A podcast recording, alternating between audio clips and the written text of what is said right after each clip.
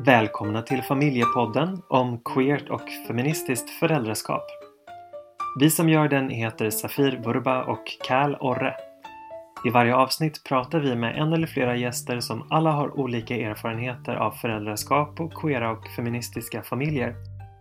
I detta allra första avsnitt av Familjepodden så kommer ni få vara med om ett samtal mellan medlemmar i vår egen familj. Vi som sitter här är jag, Mina Safir sitter här. Och Cal. och vi tre är föräldrar tillsammans till vårt barn Rio. Vi tänker att vi tänkte använda det här samtalet till att prata lite grann om att vara fler än två föräldrar och hur det kan fungera och hur man kan strukturera upp sitt liv om man är fler än två i ett föräldraskap och lite grann vilka tips vi har till personer som kanske är bara två föräldrar om hur, vilka saker som vi har gjort som vi tänker skulle kunna funka för alla oavsett konstellation. Men vi har ju ett barn som är eh, fem år, lite drygt. Och eh, vi bor tillsammans, eh, har ett eh, gemensamt hushåll.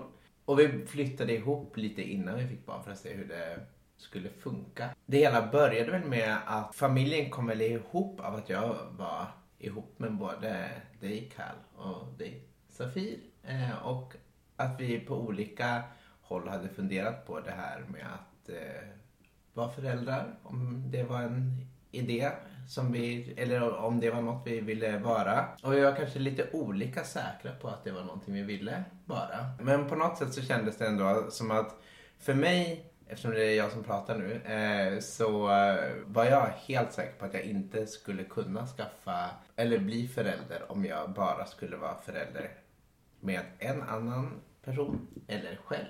Eh, så att för mig var det liksom en förutsättning att bli förälder att det skulle vara minst tre. Ja, jag var nog inte riktigt lika säker på att vi behövde vara fler än två.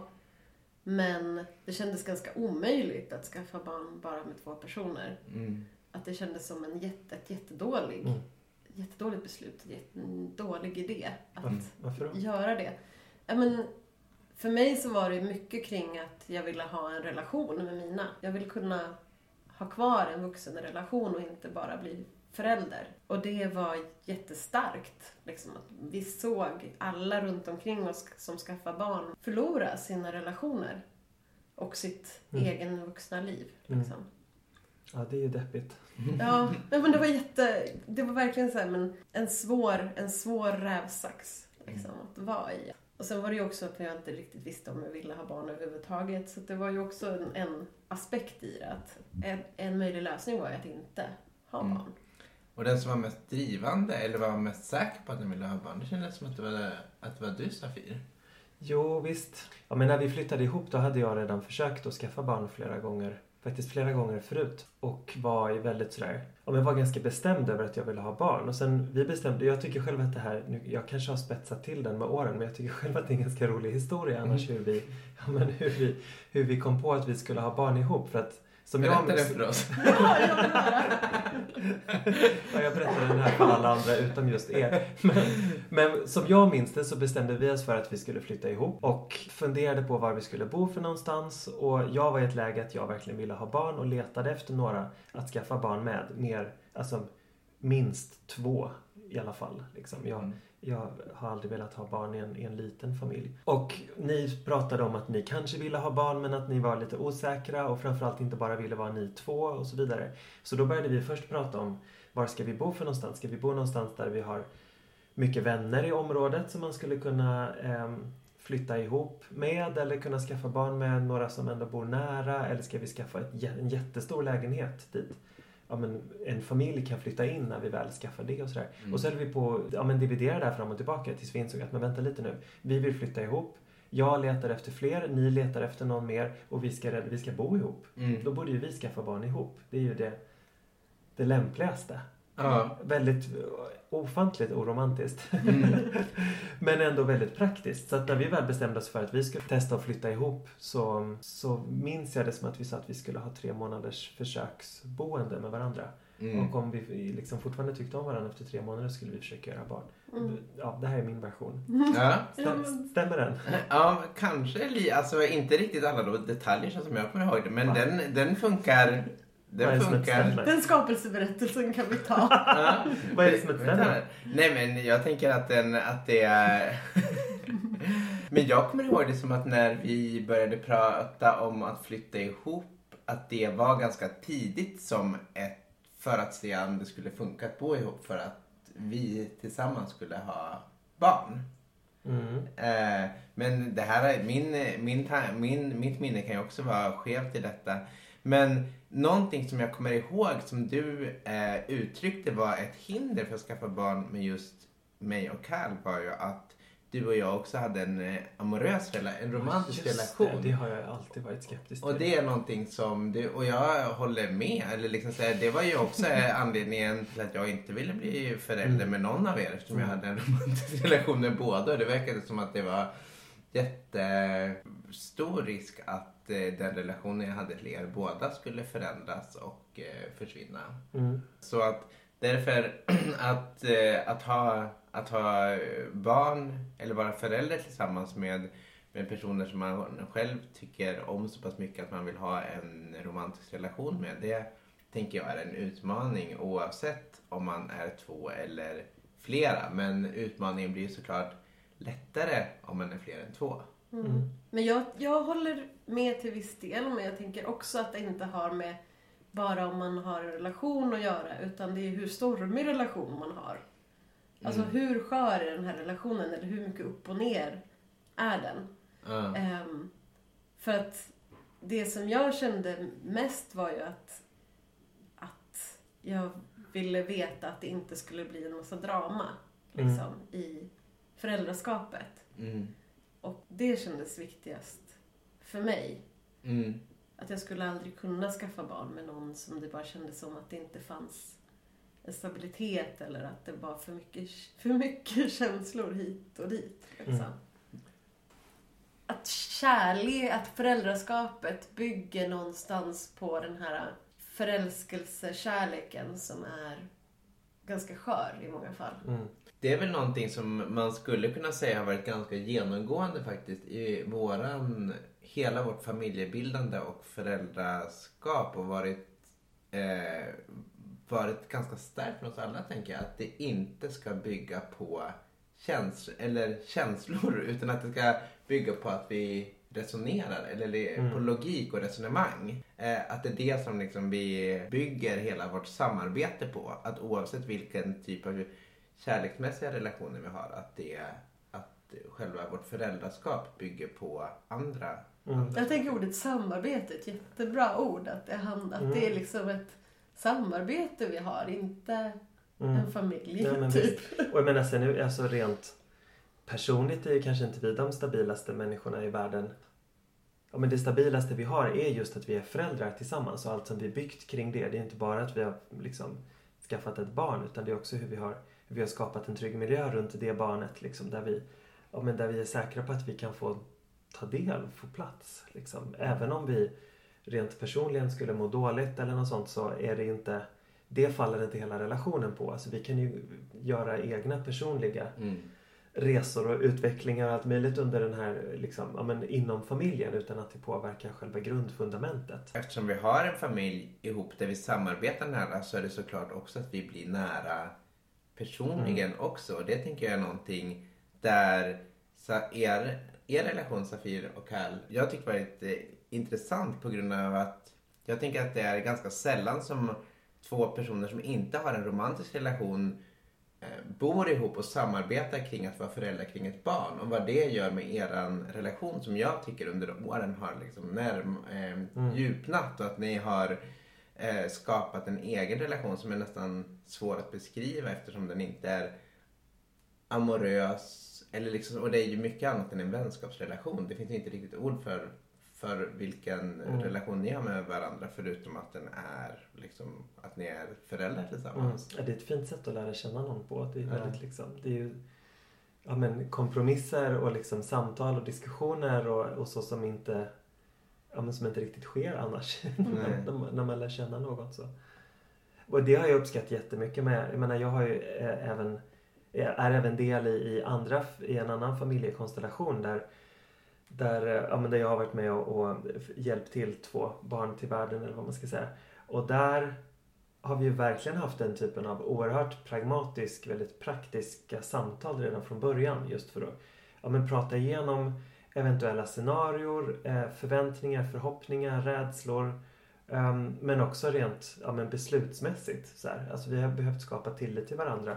Och vi har ju inte heller någon juridisk modell precis som vår familj inte har utan där vi har fått, fått bygga tillit som inte, som inte bygger på hur en normativ, liksom, laglig familj ska se ut. Mm. Det är ju jobbigt på många sätt att behöva göra det men det har också varit just den processen och liksom de samtalen som vi har haft har varit otroligt spännande. Liksom. För där, en av de personerna bland annat i min andra familj, man ska säga, har jag helt lärt känna genom, genom att försöka göra barn. Mm. Så, som vänner. Ja, ja men det är väldigt eh, spännande vad den, vad ett eh, barna, eh, att bli föräldrar tillsammans kan göra med den egna relationen också. Och sen så Såklart har det påverkat, det kan man inte säga att det inte har påverkat de relationer som vi vuxna har. Alltså den relationen som jag och Karl har eller den relationen som jag och Safir har. Alltså, mm. Det går ju åt tid att vara föräldrar eh, även om man är tre. Men en förutsättning för att man ska få någon tid med varandra som jag tänker att vår familj nog har, jag tänker tips att ge till alla alla familjer där ute är att planera tid så att man inte är med barnet. Alltså planera tiden så att ansvaret att ta hand om barnet eller barnen eh, ligger på olika föräldrar olika dagar och där det finns en möjlighet att göra andra grejer eh, själv de dagarna som, som man inte mm. är med barnet. Vi har ju en väldigt strukturerad sån planering där, där vi har eh, minutiöst planerat skulle jag säga flera mm. månader framåt. Vi har en Google-kalender där vi skriver upp vem som har ansvar för Rio och vilka tider. Väldigt detaljerat. Både på morgonen och på eh, kvällen efter man hämtar Rio på förskolan och på helgerna vem som har ansvaret för Rio. Ehm, där vi också inkluderar min, min före detta relationperson Sara som fanns i mitt liv när Rio föddes. Som också är en viktig familjemedlem fortfarande och en viktig person för Rio som också har hand om Rio mm. eh, med jämna mellanrum och är med i schemat och även Minas mamma Lena som är med i schemat eh, då och då. Så att vi, vi lägger ju det här schemat flera månader i förväg på ett sätt som jag tror inte folk gör i allmänhet men som gör det möjligt att planera sitt eget liv och sitt liv mm. i familjen och med Rio liksom.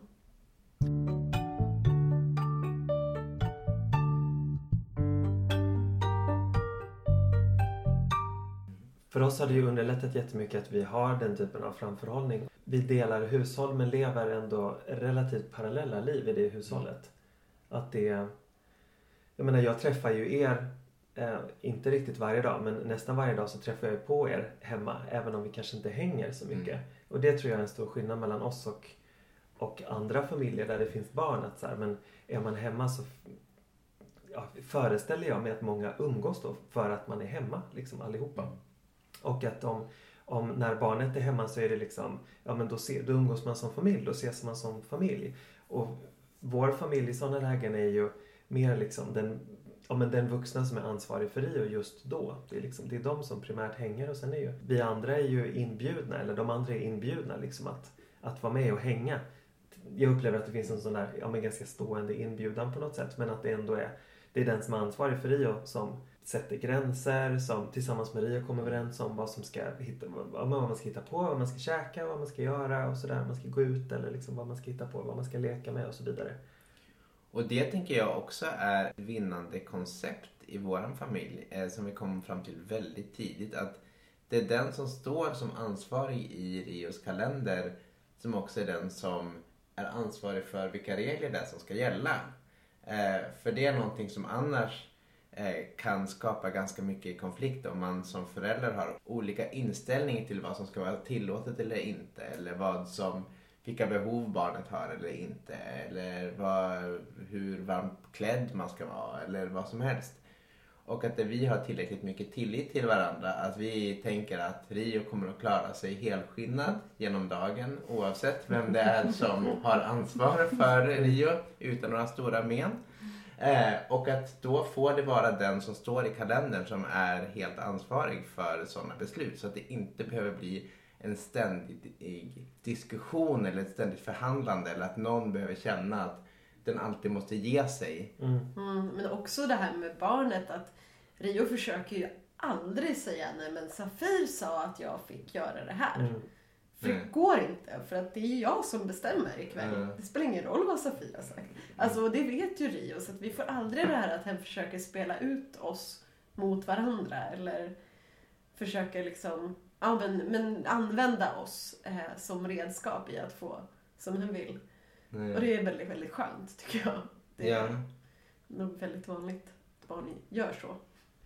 Vi har ju också ja, men på sistone en kalender som ja, men en fysisk kalender där vi fyller i vem som är ja, men dit Rio kan gå och titta. Där vi fyller i vem som, vem som är ansvarig för henne. Ehm, ja, men på morgonen, och på kvällen och på helgen.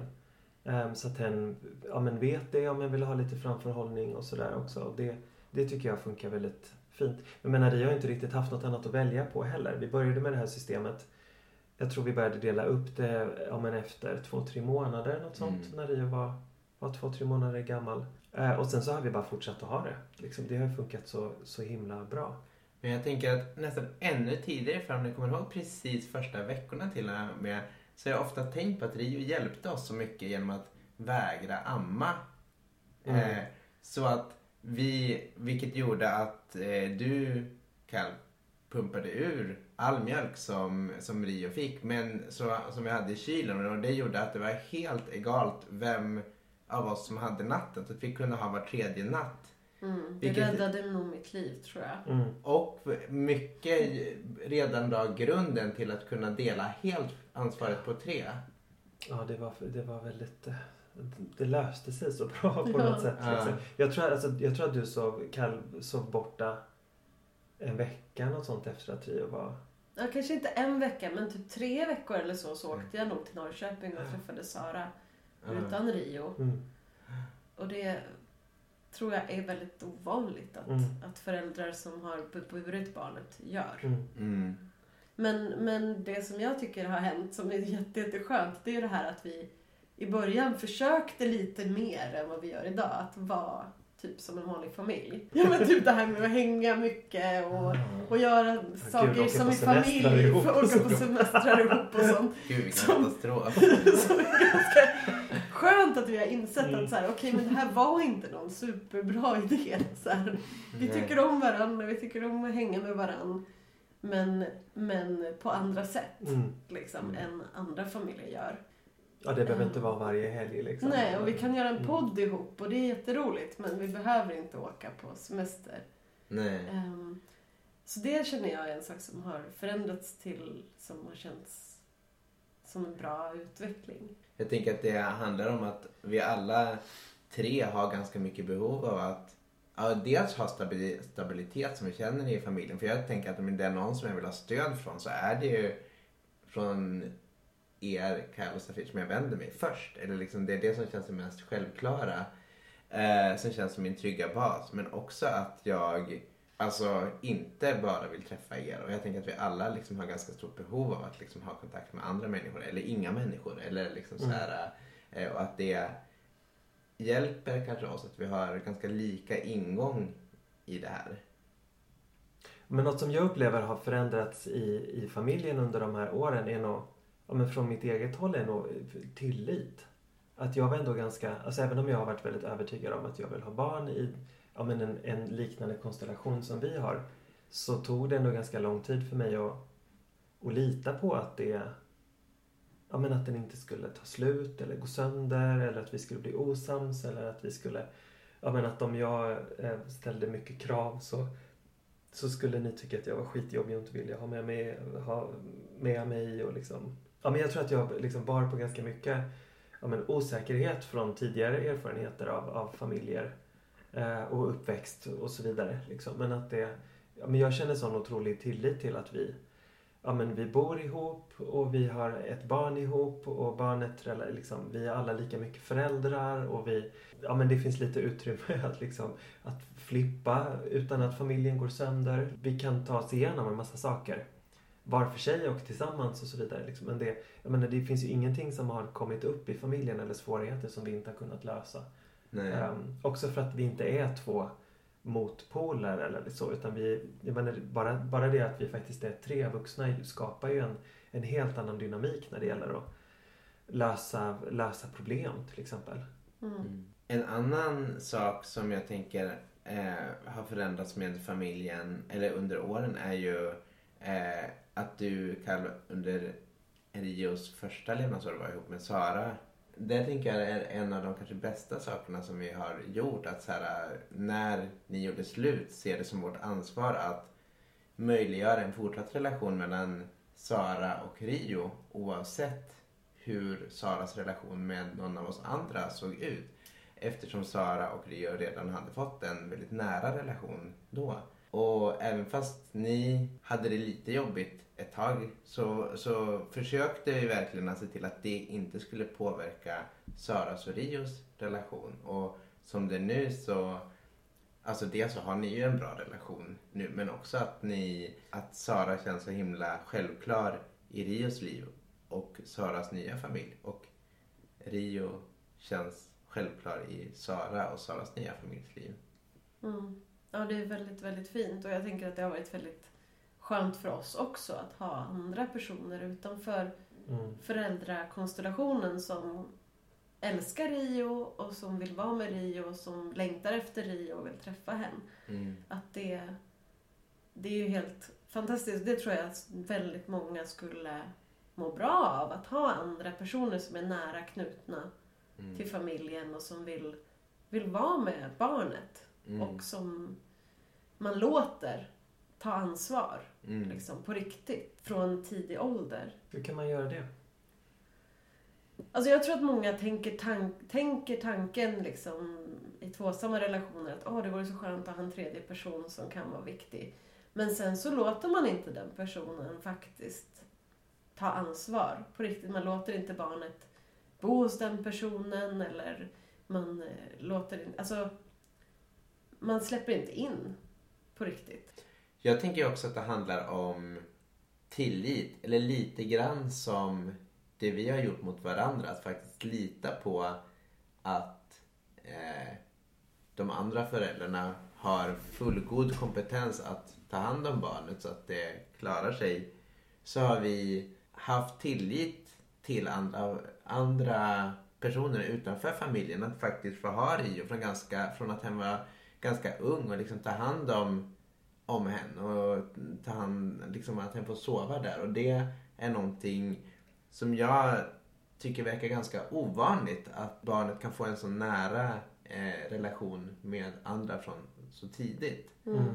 Det var någon jag pratade med nyligen som hade ett barn som var två, tre år. Som vars barn för första gången skulle sova över någon annanstans än hemma. Mm. Och jag var såhär, ah, gud, hur, har ni haft barnet hemma varje natt? Mm. I två, tre år. Ja. ja. men visst. Men det, är, alltså, men det här tänker jag verkligen är en, en knepig grej också. Att, men det är lätt att säga så här, men jag har någon mer än, än de två, om det nu är två mm. föräldrar. Man borde bjuda in någon mer i relationen och jag tänker att det Fan det där är ju skitsvårt. Hur, hur mm. gör man det? Liksom. För vi har inte, vi har, det finns inget juridiskt skydd för den personen som man bjuder in. Alltså varken liksom, ja men inte åt något håll i en relation till ett barn. Liksom. Någonting som jag tycker har hjälpt oss där väldigt mycket är, ja men jag upplever att vi har en feministisk familj, att vi har försökt att liksom skapa, skapa en familj utifrån vad vi tror rent feministiskt eller liksom, ja men feministiskt och queert och könsneutralt är bra för ett barn. Så. Alltså i feminismen så tänker jag att det, att det ingår ja, men ett visst mått av liksom friktion och konflikt. Eh, men också att det ingår att, att faktiskt tro på det man gör. Mm. Så, att, att snarare fatta ett beslut på, ja men på så här, ja men rent rationellt tycker jag att det här är den bästa lösningen. Så då är det det vi ska göra. Till exempel Mm. att inte låta ja, men känslor eller förväntningar av att så här, kokona som familj eller att så här, men jag känner mig jätte ja, men så här, har värsta kontrollbehovet över det här barnet nu. Liksom att inte bara ge sig hän till det utan ifrågasätta det och bjuda in andra som kan, som kan ja, men, finnas med som friktion. Mm. Alltså jag tänker att det, för jag har också snackat med, med massa, massa personer som har, ja, men som har barn där barnen har verkligen hållit sig i en otroligt sluten miljö hemma. Liksom. Och vad skulle hända om, om, om någon annan bjöds in och så vidare. Och då är det liksom, ja men folk blir jättenervösa då. Och bara så här, men jag, jag är rädd att jag skulle känna mig kritiserad. Eller att inte jag Mm. skulle, att inte jag skulle känna att jag har kontroll över det här barnet och så. Och det tror jag, ja men jag upplever det så skitviktigt att låta sig bli kritiserad till exempel. Att, att ha den där friktionen. Ja. Men jag vet ju själv hur jag funkar. Om jag inte har ansvar över någonting. Jag vet inte hur alla funkar. Alla funkar ju inte så såklart. Men, men för mig funkar det som att är det någonting som jag inte har ansvar för så är det inte roligt. Mm. Alltså om jag ska engagera mig i något då behöver jag få ansvar. Mm. Annars så är det inte värt. Och det tänker jag att liksom att det handlar om att, att låta någon få ansvar. Mm. Eh, Och var tydlig med att du har det här ansvaret. Om du träffar en person som du vill skaffa barn med utanför den här relationen så har du fortfarande det här ansvaret Mm. eh, med, med det här barnet om du går in i det här nu. Liksom. Ja, men jag tror också det. För att det är inte... Det går inte att tro att man eh, ska inkludera någon bara på föräldrarnas eller familjens villkor och att den personen som man då försöker inkludera inte ska ha någon, alltså bara ska spela efter någon annans spelregler. Då kommer, då, precis som det du säger, att då kommer det ju inte alls att kännas något motiverande för den personen som ska inkluderas. Nej, det ska inte bara vara en extra barnvakt eller något sånt. Nej. Det behöver ju ändå vara liksom en, en relation som kan få vara självständig på något sätt. Ja, precis. Eh, Men i och med att liksom, det är en så himla stark tvåsamhetsnorm så förstår jag att det är svårt. Mm. Att man har en, en liksom, att många har en, en em, tanke kring att ja, men vi skulle vilja vara fler än två, kanske inte fler än två föräldrar, men vi skulle vilja ha flera vuxna omkring det här barnet. Men man lyckas liksom inte. Och jag förstår det i det här samhället, för det är inte uppbyggt på det sättet. Det krävs ganska mycket Mm. för att det ska, det ska lyckas. Ja, och jag tänker också att, alltså vi upplevde ju också att vi blev, alltså när vi var nya föräldrar så är det ju klart att man känner sig osäker och liksom så här, herregud ska vi få åka hem nu helt själva med det här barnet? Alltså så här, vem kollar upp? Helt galet Ja, vem liksom. kollar upp att så här, ska inte följa med någon och kontrollera oss? Eller liksom, behöver vi inte något certifikat? Eller bara att dra liksom. Och med den osäkerheten så tänker jag att man ofta kollar efter, för att hitta någon form av trygghet, tittar efter hur gör andra, tittar efter före, förebilder och då är det ju normen som är förebilden, det man ser överallt. Mm. Och om man försöker hitta trygghet någon annanstans då måste man vara så himla säker på sin sak. Alltså att, för att det är ju, vi har inte haft så mycket förebilder Nej. som har gjort familjer, alltså för personer som har gjort familjer på vårat sätt. Och då är det väldigt lätt att känna, när man känner den osäkerheten, att tänka, tänk om jag gör allting fel? Och inte liksom så här, ha några som man vet att okej, men de klarade sig ju. Eller liksom, det där gick ju bra. Så det är en, nog en anledning till att normen reproduceras så himla mycket. Och att det blir åter och återigen som kärnfamiljen skapas och reproduceras.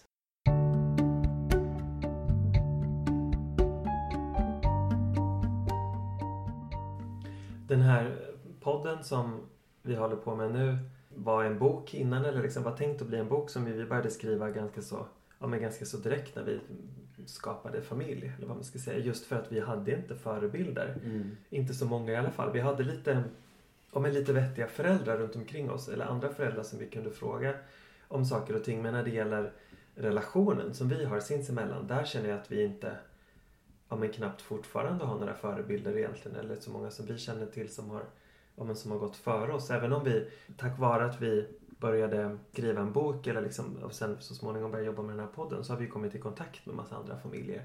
eh, Mm. Och massa andra föräldrar. Liksom. Så att nu känner jag att jag har ett ganska, ja, men ändå ett relativt bra nätverk runt omkring mig med med queera familjer. Det var ingenting som fanns från början även om förstås queera familjer fanns. Liksom, men det var svårt att hitta dem. Mm. Mm. Jag tänker också att eh, där en av mina närmsta vänner har precis eh, fått barn. Eh, och hon uttryckte till mig sist vi pratade att mina, jag har alltid tyckt att jag varit smart av er att vara mer än tre föräldrar. Men det har sällan varit som jag har liksom tänkt på hur nödvändigt det var. Eller hur Mm. extremt smart det var förrän nu när jag är jag och den andra föräldern ska försöka ha hand om ett litet barn tillsammans. Det här är ju, det hur kan man få skaffa barn med mer med bara två föräldrar? Att hon Ja. uttryckte det som... Helt fel person att fråga dig. Ja, jag, bara, jag vet inte. Eh, Men där pratade vi också om det här med att det ändå finns personer i hennes närhet som, som har erbjudit sig att hjälpa till och finnas som stöd. Och där hon uttryckte något som jag kände igen mig väldigt mycket i. Där hon sa så här, men jag vill ju ändå inte besvära och det är ändå mitt barn som jag borde ta hand om. Och liksom det, det, eh, ja men jag borde klara det här själv. Jag vill inte, jag vill inte eh, vara till, till last redan nu för då kanske de tröttnar på mig. Och jag tror att det är precis tvärtom. Mm. Jag tror att man måste börja våga liksom så visa att men du är viktig. Du är viktig för det här barnet. Det här är ditt, liksom, ett barn som, som har tillit till dig och som kommer att, och du kommer att vara viktig i dens liv. Och det handlar inte om att man, att man har ett visst osynligt antal gånger där man kan fråga någon om hjälp och sen så är det slut. Mm. Eh, utan att det handlar snarare om att underlätta, att bygga för barnet att by- börja bygga relationer med andra från en väldigt tidig ålder. Jag tror att det är inställningen där liksom, Mm. som skiljer sig i, så här, är, det, är det hjälp vi får? Eller är det att den här personen har en relation med det här barnet och vill träffa det här barnet? Mm. Att hjälpa någon, det kan man ju göra, men det, det är inte samma sak som att bygga en egen relation och att man gör det för sin egen skull, för att man vill vara nära det här barnet. Men jag har många gånger upplevt att det finns ja, men en, en rädsla men också att det finns ja, men något som inte riktigt är okej att, så här, att föreslå eller ha, ha åsikter om någon annans föräldraskap. Alltså många har ju haft åsikter om vårt föräldraskap för att vi är tre föräldrar och också uppfostrar vårt barn könsneutralt och, ja, men, och själva har könsneutrala pronomen. Och, alltså, så här. menar, det är många som har haft åsikter om hur vår familj ser ut.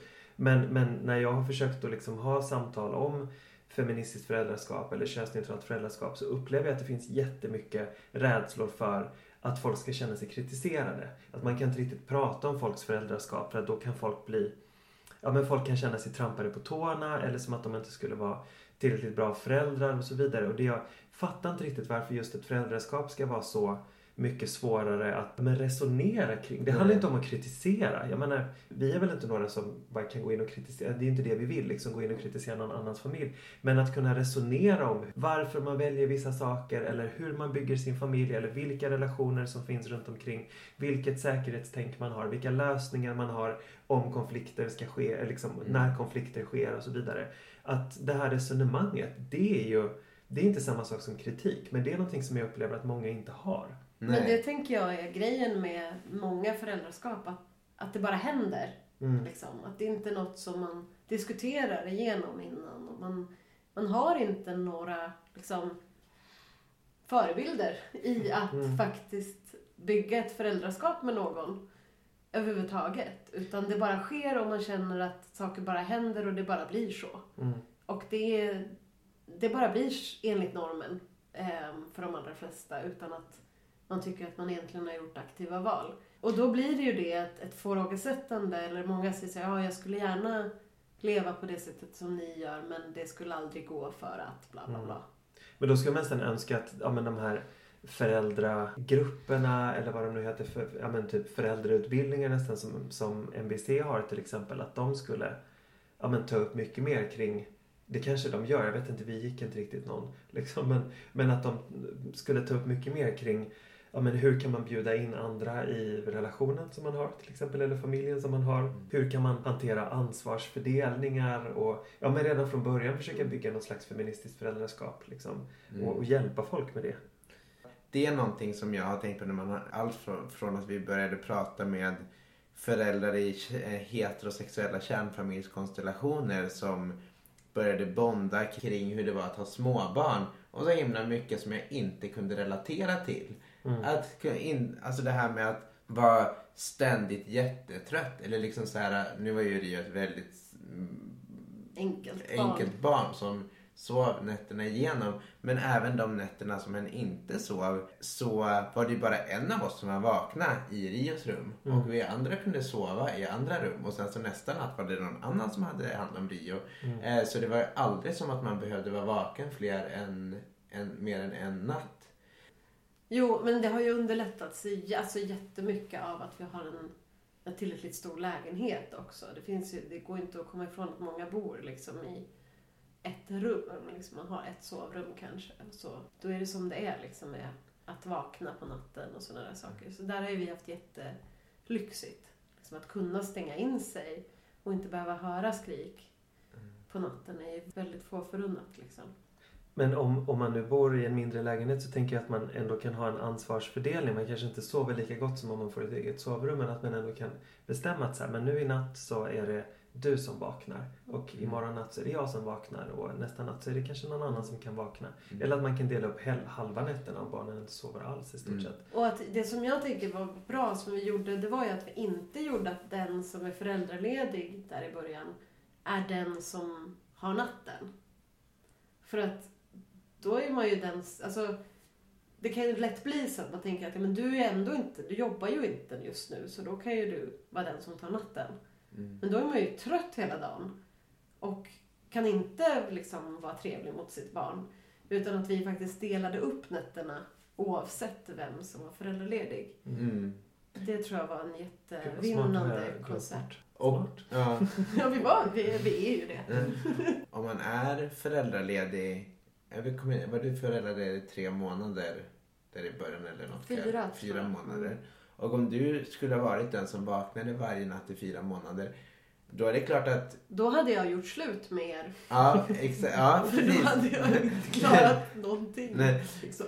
Och förutom det så skulle det ju vara gjort att jag, alltså att jag och Safir skulle känt oss helt loss på att ta hand om Rio när han vaknar. Eller vad ska man göra då? Eller hur ska man, alltså så här, Mm. Jag tänker att för mig har det varit en så viktig aspekt att känna mig trygg med alla moment i Rios liv.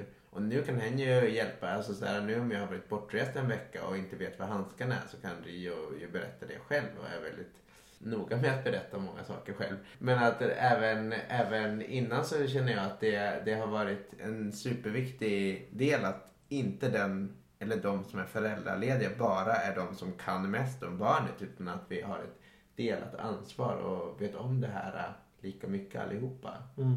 Men jag har flera vänner som har barn varannan vecka och sånt. Eh, och det är ju...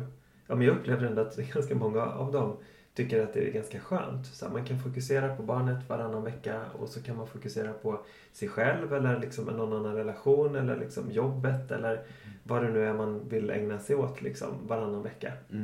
Vår familj påminner lite grann om det. Nu har vi inte en vecka i taget men att vi ändå har så här var tredje dag eh, i stort sett är, det ju, är ju vi aktiva föräldrar. Liksom, Mm. och de andra två dagarna kan vi göra lite vad vi vill. Mm. Så. Men att vi har, vi har planerat för det här från första början.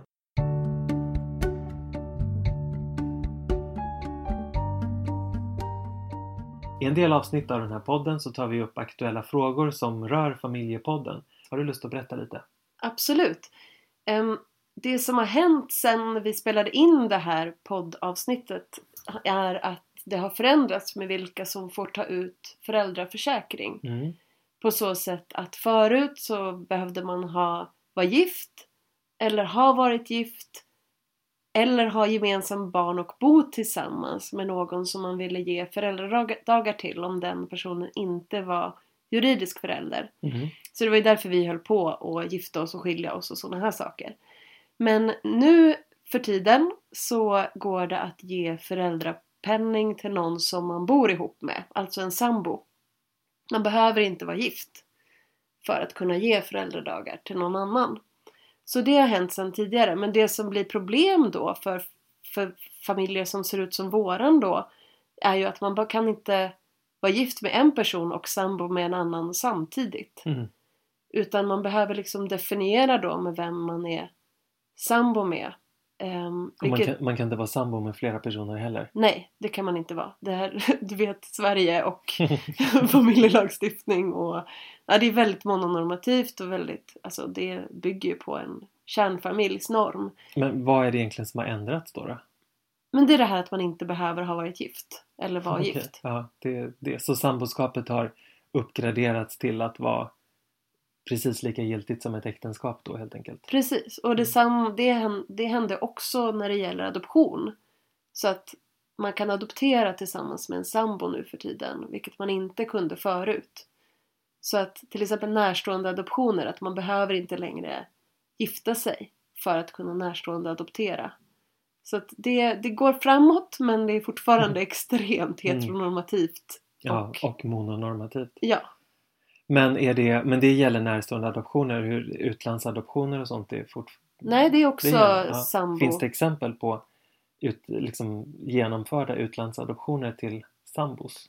Alltså jag gissar inte för att lagen gick igenom 1 september 2018. Mm. Vilket gör att jag antar att personer som är sambos inte har kommit igenom Mm. hela den här så utredningen. handläggningstid Liksom. Ja, så jag tror inte att det har hänt ännu.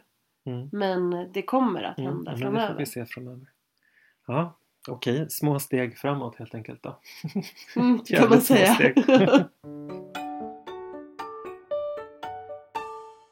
Tack för att du lyssnade på det här avsnittet av Familjepodden. Eh, Den här gången så har vi ju pratat om vår familj. Vi som gör det här programmet heter Kalle och Sofie och om du vill komma i kontakt med oss så når du oss på e-posten queerfamilj@gmail.com. Mm. Och hoppas att du vill lyssna igen. Mm. Vi kommer inte alltid bara prata om oss själva i det här programmet utan i de andra avsnitten så kommer vi också träffa olika gäster och prata med dem. Ja, precis. Vi hörs! Hej då!